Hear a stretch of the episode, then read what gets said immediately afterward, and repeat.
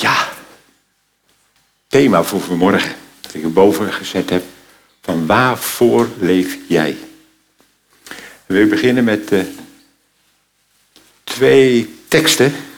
Ik wil vragen of Joel de eerste vast uh, wil neerzetten. Psalm 139. Een psalm van David.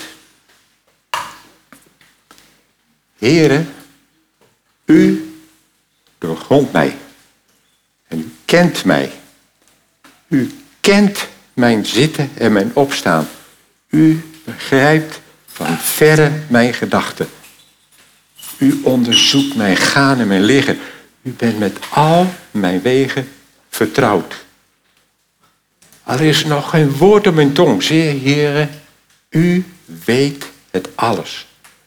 U sluit mij in van achteren en van voren. Uw hand op mij.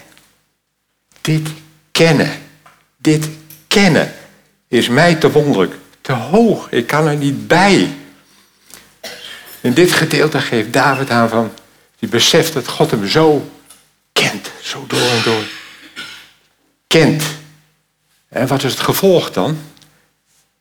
Mm, als je weet dat God jou kent, dan kijk je misschien op je leven en dan denk je, oh, er zijn wel wat dingen die uh, knellen, die dan toch wel pijn doen. Ik denk, Heer, die zou ik eigenlijk willen verbergen. En dan zie je vers 7, het gevolg daarvan. Bij David, Heer, waar kan ik uw geest ontstaan, ontgaan? Waar uw aangezicht ontvluchten? Als steeg ik op naar de hemel, u bent daar. Of legde ik mij neer in de hel, u bent daar. Nam ik vleugels van de dageraad, woonde ik aan het einde van de zee. Ook daar zou uw hand mij leiden en uw rechterhand mij vasthouden. Zei ik, ja, duisternis zal mij opslotten. Dan is de nacht een licht om mij heen. Zelfs de duisternis maakt het voor u niet duister. Maar de nacht ligt op als de dag. En de duisternis als het licht. Er is geen ontkomen aan. God kent jou. Maar dan komt David in een volgende fase. Ah, ik ben geliefd door God. Want u hebt mijn nieren geschapen, mij in de schoot van mijn moeder geweven. Ik loof u omdat ik zo ontzagwekkend wonderlijk gemaakt ben. Wonderlijk zijn uw wegen, mijn ziel, ziel weet het zeer goed. Mijn beenderen waren niet voor u verborgen toen ik in het verborgen gemaakt ben. En geborduurd werd in de laagste plaatsen van de aarde. Uw ogen hebben mijn ongevormd gezien ongevormd begin gezien. En ze werden alle in uw boek beschreven, de dagen dat zij gevormd werden, toen er nog niet één van hen bestond. Daarom, hoe kostbaar zijn weer uw gedachten, o God. Hoe machtig groot is een aantal. Dan zou ik ze tellen. Ze zijn talrijker dan de korrel zand. Ontwaak ik, dan ben ik nog bij u. Je bent gekend nog voordat je bestond ben je gekend, je bent gewild. Je hebt een speciale bedoeling. God heeft een bedoeling met jouw leven. En hij ziet er naar uit. Hij is betrokken bij jou. Van het allereerste begin af. En dan slaan we even een klein stukje over in deze psalm. En dan staat er aan het einde staat er een gebed. Doorgrond mij, o God, en ken mijn hart. David bidt, ken mijn hart. En beproef mij en ken mijn gedachten. Zie of er een heilloze, een schadelijke weg is. Een heilloze weg. En leid mij op de eeuwige weg. Die psalm, die heeft zoveel diepte. En ik hoop er vanmorgen wat licht op te kunnen geven. Nog even een tweede tekst die ik ook meteen wel even wil benoemen. Dat is uit Lucas 12, vers 2 en 3. Want niets is bedekt wat niet geopenbaard zou worden. En er is niets verborgen wat niet bekend zou worden. Daarom, al wat u in het duister gezegd hebt, zal in het licht eh, gehoord worden. En wat u in uw binnenkamers in iemands oren gesproken wordt, zal te dagen, daken gepredikt worden. Alles zal openbaar worden. Wat is de aanleiding hiervoor vanmorgen? We hebben pas een prachtig boek gelezen. Echt. Een boek, ik lees best heel veel boeken hoor. Maar die me echt diep raakte. Het boek heet Imagine Heaven. Stel je de hemel eens voor. van John, John Burke. Het boek geeft getuigenissen van mensen die een bijna doodervaring hebben meegemaakt. Bijna doodervaringen gaan over mensen die een tijdje klinisch dood zijn geweest door een ongeval, door een hartaanval of door een ziekte of wat dan ook. Maar ze zijn weer tot leven gekomen en ze claimen een kijkje te hebben gehad in het leven na de dood. Het boek hielp mij om een beter begrip te krijgen van Gods liefde. Het raakte me echt heel diep. En over hoe ik kan liefhebben. Ik wil ook iets vertellen hoe is het boek nou ontstaan. Want waarom heeft het boek zoveel diepgang? Nou, dokters en andere mensen die veel met de dood te maken hebben, die krijgen soms een erg vreemd verhaal te horen van de mensen die het ondergaan hebben. En ze hebben het in eerste instantie afgedaan als hallucinaties. Komt door de medicijnen en zo. Dokters zijn vaak ongelovig en die geloven niet in een hiernamaals. Maar ze kwamen er zo regelmatig mee in aanraking en ze lazen blijkbaar ook nog eens wat dat ze de patiënten er in het vervolg op gingen navragen. Dus ze gingen de patiënten vragen: Heb je iets ervaren in die tijd dat je overleden was? En toen kwamen de verhalen, meer verhalen naar boven. Een heleboel mensen die uh, gaan er niet uit zichzelf over praten. Of ze schamen zich ervoor, of ze denken dat ze gek zijn, of wat dan ook. Hè?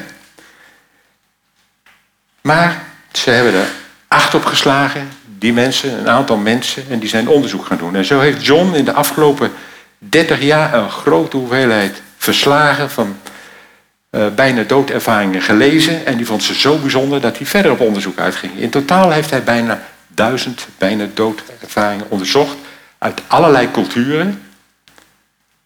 En ze met elkaar vergeleken en getoetst aan de Bijbel. En het boek was het resultaat van 35 jaar horen, lezen en studeren van die bijna duizend getuigenissen van de mensen over de hele wereld. Een degelijk, degelijk document geworden.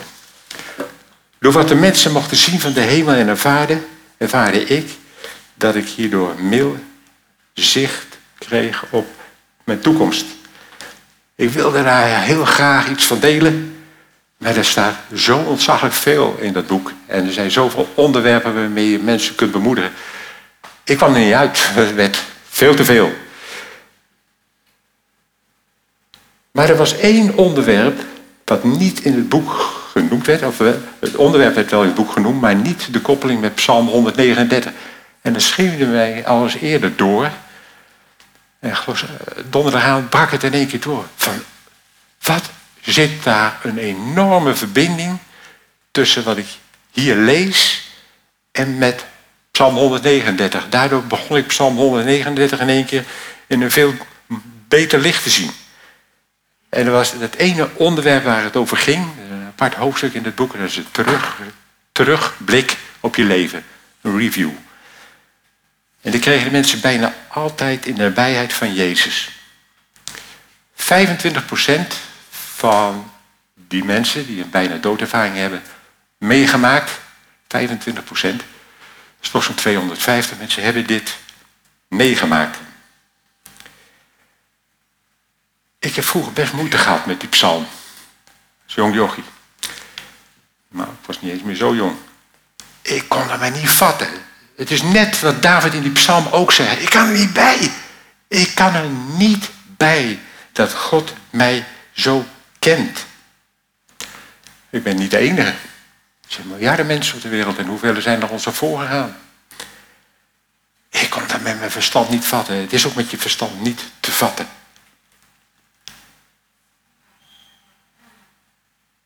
Toch is het belangrijk om dat weten, dat kennen te begrijpen. God weet alles, maar, en dat is het vervolg wat ik hier krijg, hij weet ook de impact van alles wat we denken, van alles wat ons motiveert, wat we doen op onze omgeving. En die is gigantisch. Ook de gevolgen ervan. We staan er vaak helemaal niet bij stil wat de gevolgen zijn van wat we zeggen. En God wil ons dat duidelijk maken. Duidelijk maken door deze psalm. Dus ik heb net al aangegeven, versen 1 tot 6 geven aan hoe God ons doorgrondt. En de volgende versie, je kunt nooit ontsnappen aan de aandacht, de blik van de alziende. Hoewel je misschien weg zou willen kruipen.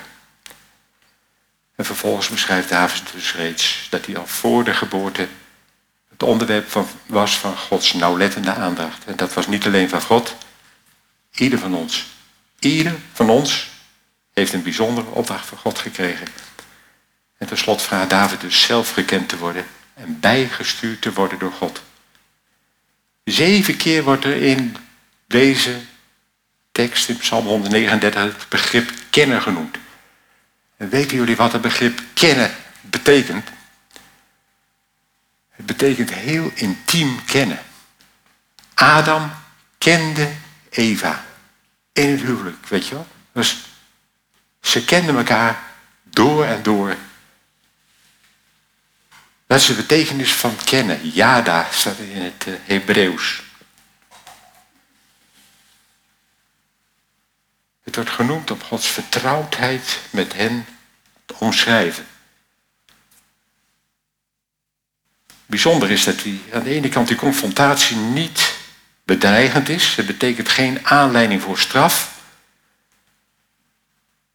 Maar dat David dit zich beseft en zich toch niet veroordeeld voelt vanwege zijn fouten. Nee, hij voelt zich veilig en geborgen bij God. En deze, juist deze aspecten komen in dat boek zo goed naar voren door een aantal voorbeelden. Aan de ene kant, daar worstelen we allemaal mee hier in het Westen. De ene kant de liefde van God, maar aan de andere kant ook zijn heiliging. En die twee wringen bij mij altijd. Hoe kan dat samengaan? Hoe kan dat samengaan? Maar bij God gaat het samen. En ik hoop in deze voorbeelden die ik zo ga noemen, ga lezen, jullie erin te bemoedigen. Dus vanmorgen is mijn doel echt het diepe besef van Gods liefde te krijgen. En te beseffen wat echt van belang is in dit leven, in je leven. Een terugblik op het leven in de aanwezigheid van God, van Jezus, heeft vaak grote impact op het leven van die persoon. Het maakt duidelijk wat er echt toe doet voor God.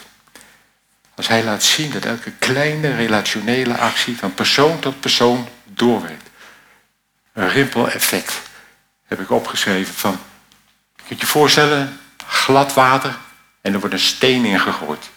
Een opmerking, een daad. En die brengt golven teweeg. En die golven die gaan maar verder en die breiden zich steeds verder uit. Alle onze acties, alles wat we doen en wat we laten, heeft gevolgen. Ik zit te denken, denk bijvoorbeeld eens even aan, aan David. David heeft overspel gepleegd met Bathseba.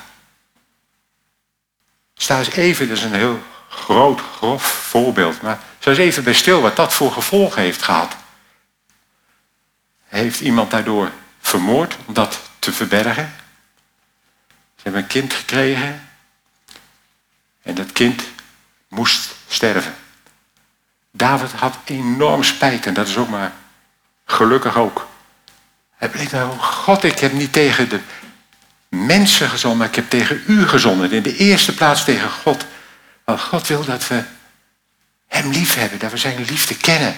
En dat we beseffen, alles wat we doen, kan Zijn liefde schaden. Kan Zijn liefde schaden. Maar God zei ook van, moest kijken wat het voor gevolgen gaat hebben voor je gezin. Hè? Zijn bijvrouwen, vrouwen, die worden, ja, door anderen misbruikt. Zijn hele gezin gaat helemaal aan gort. En zo hebben al die, dat ene, die ene daad enorme gevolgen voor de toekomst. Nog een onderwerp wat we van de week tegenkwamen, wat ik gewoon nadrukkelijk nu wil brengen. En en ik werden niet binnen deze gemeente, buiten deze gemeente, kregen te horen van iemand die naar porno keek. En ze waren samen naar een 4N-weekend gekregen, gegaan. En hij voelde zich genoodzaakt om dat aan haar te vertellen. Wat een impact dat voor haar had, was gigantisch. Het verscheurt gewoon Zij voelde zich zo verraden. Voelde zo overspel. Moet nagaan wat dat er allemaal voor gevolgen heeft. En God kent ons denken. Zelfs alles wat in ons denken plaatsvindt, weet Hij. Hij kent onze fantasieën. Mensen, het begint al met het denken. Pas op wat je denkt. Toets het aan God. Want Hij begrijpt onze gedachten van verre. Dat wil ik even hier in, uh, hierbij kwijt. Dan wil ik een eerste voorbeeld uh, gaan noemen. Het gaat over George Ritchie. Een soldaat in de Tweede Wereldoorlog. En die had al heel wat in de hemel meegemaakt. Maar op een gegeven moment stond hij in de aanwezigheid van Jezus. Het was dus niet in het begin van wat hij allemaal had meegemaakt. Het was iemand die niet echt geloofde. Maar Jezus, in de aanwezigheid van Jezus, kwam elke scène van zijn twintigjarige leeftijd trok aan hem voorbij. Elke scène. Dat hou je niet voor mogelijk. Wat ik lees in het boek. Als je in ja, zeg maar, een, een ander lichaam komt. Als je in het hiernamaals, het paradijs zou ik het liefst willen noemen, komt. Dan gaat alles veel en veel sneller. Het gaat, iemand omschreven het als de snelheid van de elektriciteit. Dus je kunt veel meer vatten. Het is alsof je een turboboost hebt gekregen. Je kunt veel meer vatten en veel meer begrijpen. Maar wat hem aan hem voorbij trok waren ook zijn geheime gedachten en zijn motieven. Hij schrijft uh, zo. Wat Jezus uitstraalde was onvoorwaardelijke liefde. Verbazingwekkende liefde. Een liefde die mijn stoutste verbeelding overtrok. Overtrof. Deze liefde kende al mijn lieveloze daden. De ruzies met mijn stiefmoeder. Mijn explosieve temperament. De seksuele gedachten die ik maar niet onder controle kon krijgen. Elke gemene, zelfzuchtige gedachte en acties vanaf de dag dat ik geboren ben. En tegelijkertijd, dat proef je ook in deze psalm, tegelijkertijd voelde ik me compleet geaccepteerd en geliefd. Je van die mensen hoort als je de nabijheid van Jezus komt. Wat een liefde. Wat een liefde, wat een licht, wat een liefde. Onvoorstelbaar. Hij zegt verder, ik zag mezelf wegdraaien als mijn stiefmoeder over me heen boog om mij goede nacht te kussen. En zag mezelf denken, ik ga deze vrouw niet lief hebben. Mijn moeder was overleden, dus dat blijkbaar nogal een, een ja, verdrietig verleden. En er was een andere eh, vrouw geweest, maar die was ook weer weggegaan. Dus hij dacht bij zichzelf, als ik haar ga liefhebben, zal zij mij ook verlaten. Elk detail van mijn twintig levensjaren kwam voorbij als een film. Samen met Jezus. Slechte, de hoge punten, hoogtepunten, de normale dingen. En dit alles met een all-inclusive kijkje kwam met een vraag. En het wonderlijke was, een paar weken eerder heb ik van mijn lieve zus die vragen op een briefje gekregen. Nou ja, al die dingen, dingen wauw, het klopt. Die vragen schenen voor te komen uit het levende licht naast. Wat heb jij gedaan met je leven? Wat heb je gedaan met de kostbare tijd die je gegeven is? Wat heeft blijvende waarde gehad? En dit alles heel liefdevol, zonder oordeel. Is niet de bedoeling dat je dingen moet. Nee, het is de bedoeling dat we de liefde van God vatten en van daaruit gaan reageren. Dat is het einde van dit citaat. Een terugblik van al deze mensen begint bijna altijd met de vraag: wat heb je gedaan met het leven wat ik je gegeven heb? Niet oordelend uitgesproken, absoluut niet. In liefde. Waarom? Om tot nadenken te stemmen. Om te reflecteren je eigen leven en te leren. Om jezelf te toetsen aan wat God van ons verlangt. En dat liefhebben. Het is een levensveranderende ervaring. Iemand die zo'n ervaring had meegemaakt, was in staat om te zien dat elke actie, elke beslissing, elke uh, menselijke interactie impact heeft op de grote wereld in een veel betekenisvollere manier dan we ooit in staat zouden zijn te vatten of te waarderen. God registreert elke gedachte, elk woord, elke handeling en elk motief. Niet alleen die van jou, maar ook degene met wie jij in relatie bent. En dat is gigantisch. En dat liet hij die mensen zien. Je kunt je voorstellen als je zo'n iets hebt meegemaakt, dat je enorm verandert. En dat is de bedoeling van deze psalm, dat je dat zo gaat beseffen. Psalm 139, dat God je door en door kent. Dat je je niet voor hem kunt verbergen. En dat hij je confronteert met de dingen die niet goed zijn in je leven, maar met de bedoeling om je een nieuwe kans te geven, om je op te bouwen. Dus het review van een, zo iemand blijkt dus, want die mensen komen weer terug in hun lichaam, is niet een oordeel, maar een vooruitblik. Een vooruitblik en een nieuwe kans om te leven waar het er werkelijk om gaat. Deze mensen mochten allemaal weer terugkomen, of moesten allemaal weer terugkomen. Weer even een klein zijstapje wat ik toch niet kan laten. Die mensen die ervaren zoveel liefde dat ze absoluut niet meer terug willen eh, naar deze aarde. Die willen gewoon blijven. Maar ze hadden een opdracht. Jezus wilde dat ze hiervan gingen vertellen. Of aan de andere kant, ze kregen een keus van wil je terug? En sommige mensen maakten die keuze om terug te gaan. Waarom? Omdat ze beseften dat ze een taak hadden op aarde. Een moeder die voor haar kinderen moest zorgen. Hoe moet het verder met mijn kinderen? En toen ze dat uitsprak, was ze onmiddellijk weer terug in haar lichaam. Puur vanuit liefde.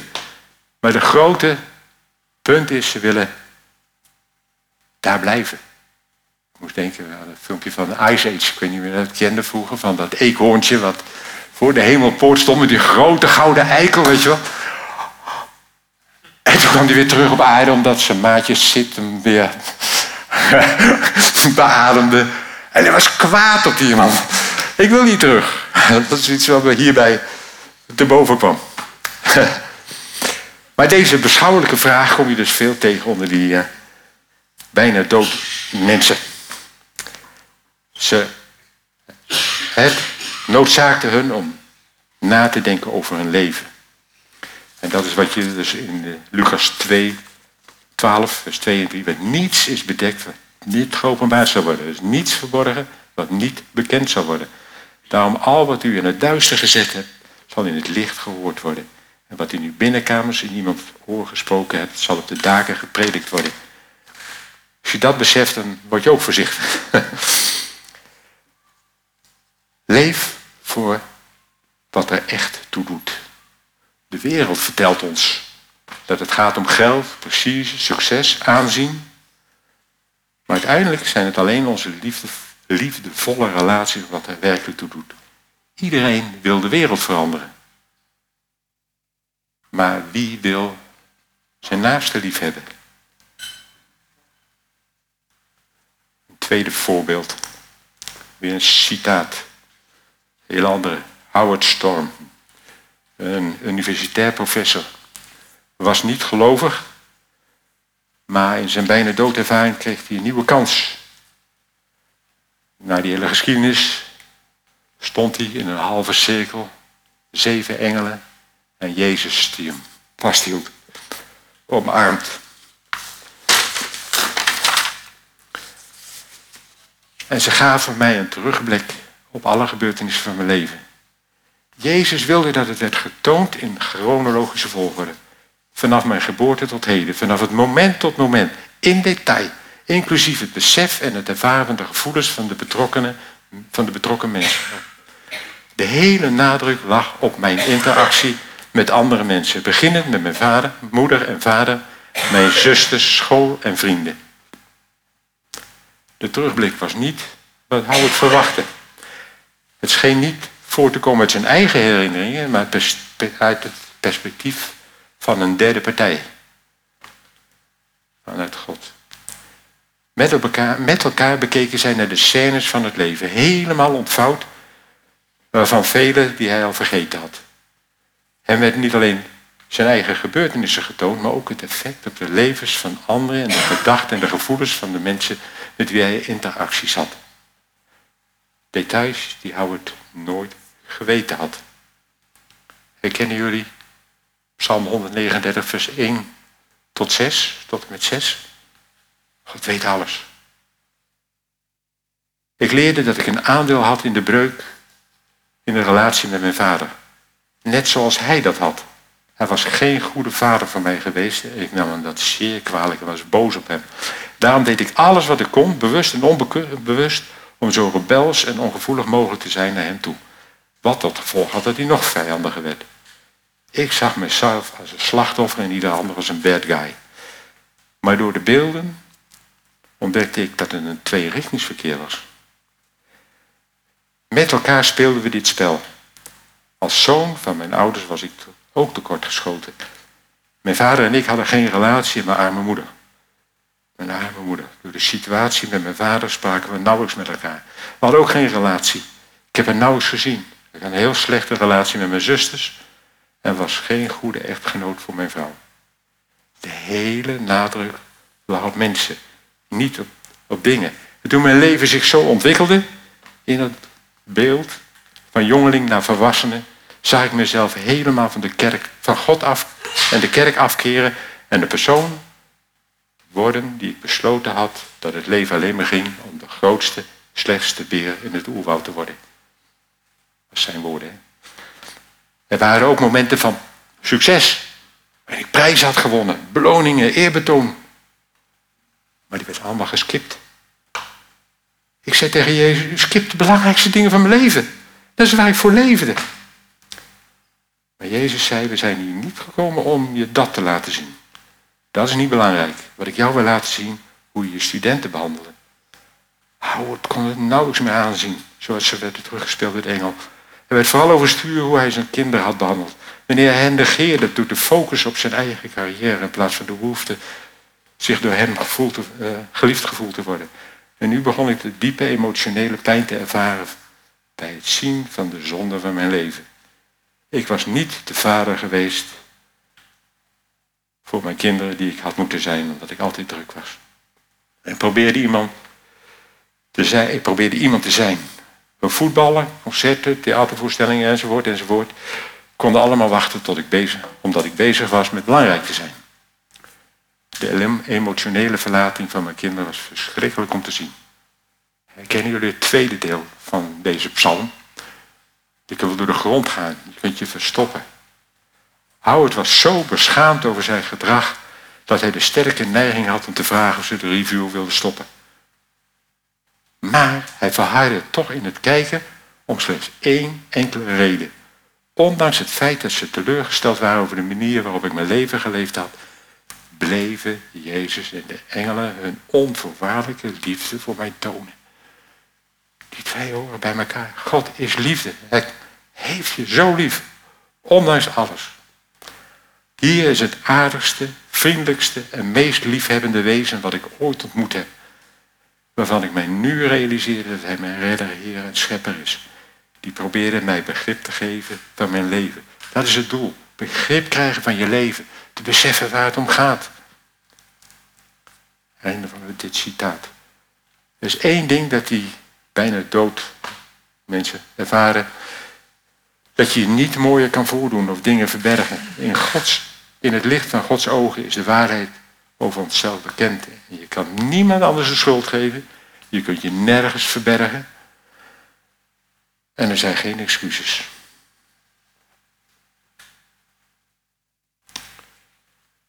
Nog een derde voorbeeldje. In het geval nog niet helemaal is overgekomen. Steve Jogre leidde een grote kerk en deed een heleboel goede dingen. Maar gedurende zijn bijna doodervaring stuurde God hem bij in een heroriëntatie. Hij vertelde, ik hoorde God spreken. Hij sprak over mijn leven en alles wat hij erin wilde veranderen. God gaf mij een aantal levensveranderende inzichten. We communiceerden niet alleen met woorden, maar ook met herinneringen en beelden. God liet mij weten hoezeer hij mij waardeerde. Het is vrijwel onmogelijk het geweldige gevoel te beschrijven van de acceptatie die mij omringde. En tegelijkertijd het besef Dat niet alles met, van mijn leven matchte met wat God voor, voor had. Ik was zo vaak gevallen dat de engelen er waarschijnlijk hoofdpijn van hadden gehad. Maar ondanks mijn fiasco voelde ik zijn totale acceptatie en absolute liefde voor mij. Hij liet mij zien dat hij mij een nieuwe kans wilde geven. Hij gaf mij gelegenheid om de dingen los te laten die een idool in mijn leven waren geworden en in plaats daarvan mensen lief te hebben. Ik zou de echtgenoot en vader worden die ik zou moeten zijn. Zien jullie iedere keer die koppeling met die Psalm 139? Ik hoop dat het bij jullie binnenkomt. Die psalm, gewoon, God kent jou. Daar is geen ontsnappen aan mogelijk. Maar hij heeft je absoluut lief. Heeft het beste met je voor. En hij verlangt er zo naar dat we hem lief hebben boven alles. Dat we zijn aandacht, onze aandacht eerst plaats op hem vestigen. En dat we aandacht hebben voor de mensen om ons heen. Dat alles wat we zeggen, uh, eerst eens even, wat, wat wil ik zeggen? Wat heeft het voor impact voor de mensen om me heen? Dus in te denken in de ander. Hoe komt het voor de ander over? Dus dit was al een deel van mijn eh, samenvattingen en conclusies. Alles wat we gesproken en gedacht hebben zal zichtbaar worden. Maar bij kinderen van God, kinderen van God, zonder veroordeling. Hebreeën 8, of Hebreeën, Romeinen 8 vers 1 Zo is er dan geen veroordeling van hen die in Christus Jezus zijn. Er is vergeving. Alles wat we zeggen, doen, denken en speciaal ook onze motivaties van groot belang. God bezoekt de harten. In uh, twee kronieken staat, 16 dacht ik, dat God, oh, Gods ogen zoeken de ganse aarde op zoek naar degene wie's hart volkomen naar uitgaan en die krachtig bij te staan. Het enige belangrijke hier op aarde is God lief te hebben boven alles. En onze naaste lief te hebben.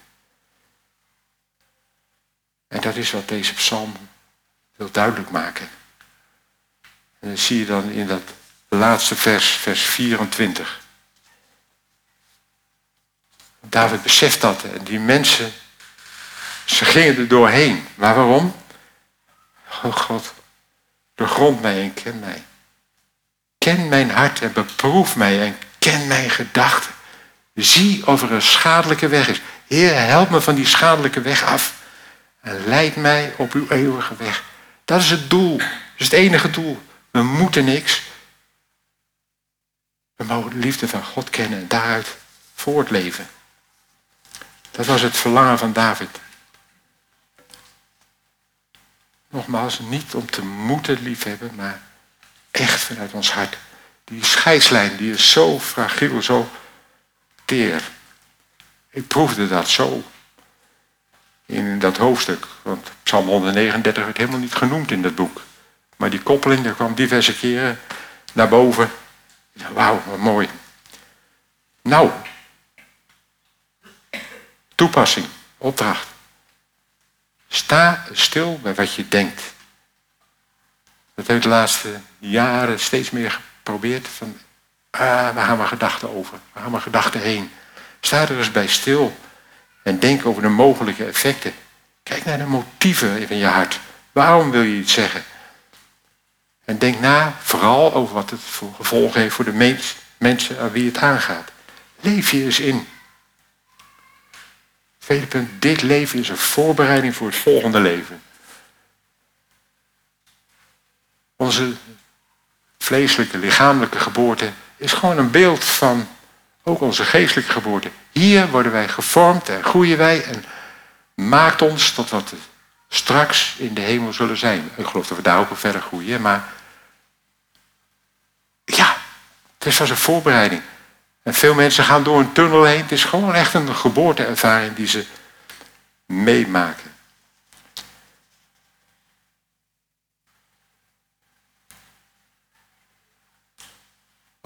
Als, we dat ons met elkaar beseffen, en dan merk ik, ik probeer me er zelf ook steeds meer bewust van te zijn, dan ga je anders leven ook hier op aarde.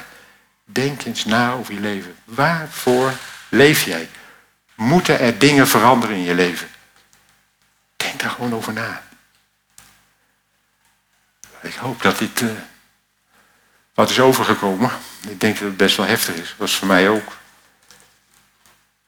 Maar ik geloof dat God dit als openbaring wil meegeven aan ieder van ons om ons te helpen. Hoe reëel, hoe dichtbij Hij is. Ik wil bidden. Heer Jezus, help ons. Help ons, help ons. Om te beseffen waar het om gaat. Heer, ik wil uw naam uitspreken, Heer. Speak the name of Jesus over mijn broers en zussen. Dat zij meer mogen leren kennen. Heilige Geest, ga uw gang en doe uw werk in ons. We hebben u zo nodig, Heer. Openbaar de liefde van God. In elk moment van ons leven. Alles wat we doen, Heer, heeft zoveel gevolgen. We houden van u. Omdat we gezien hebben wie u bent. We hebben u nodig, want u bent de bron van ons leven. Want uit hem en door hem en tot hem zijn alle dingen. Hem zij de heerlijkheid tot in de eeuwigheid. Amen.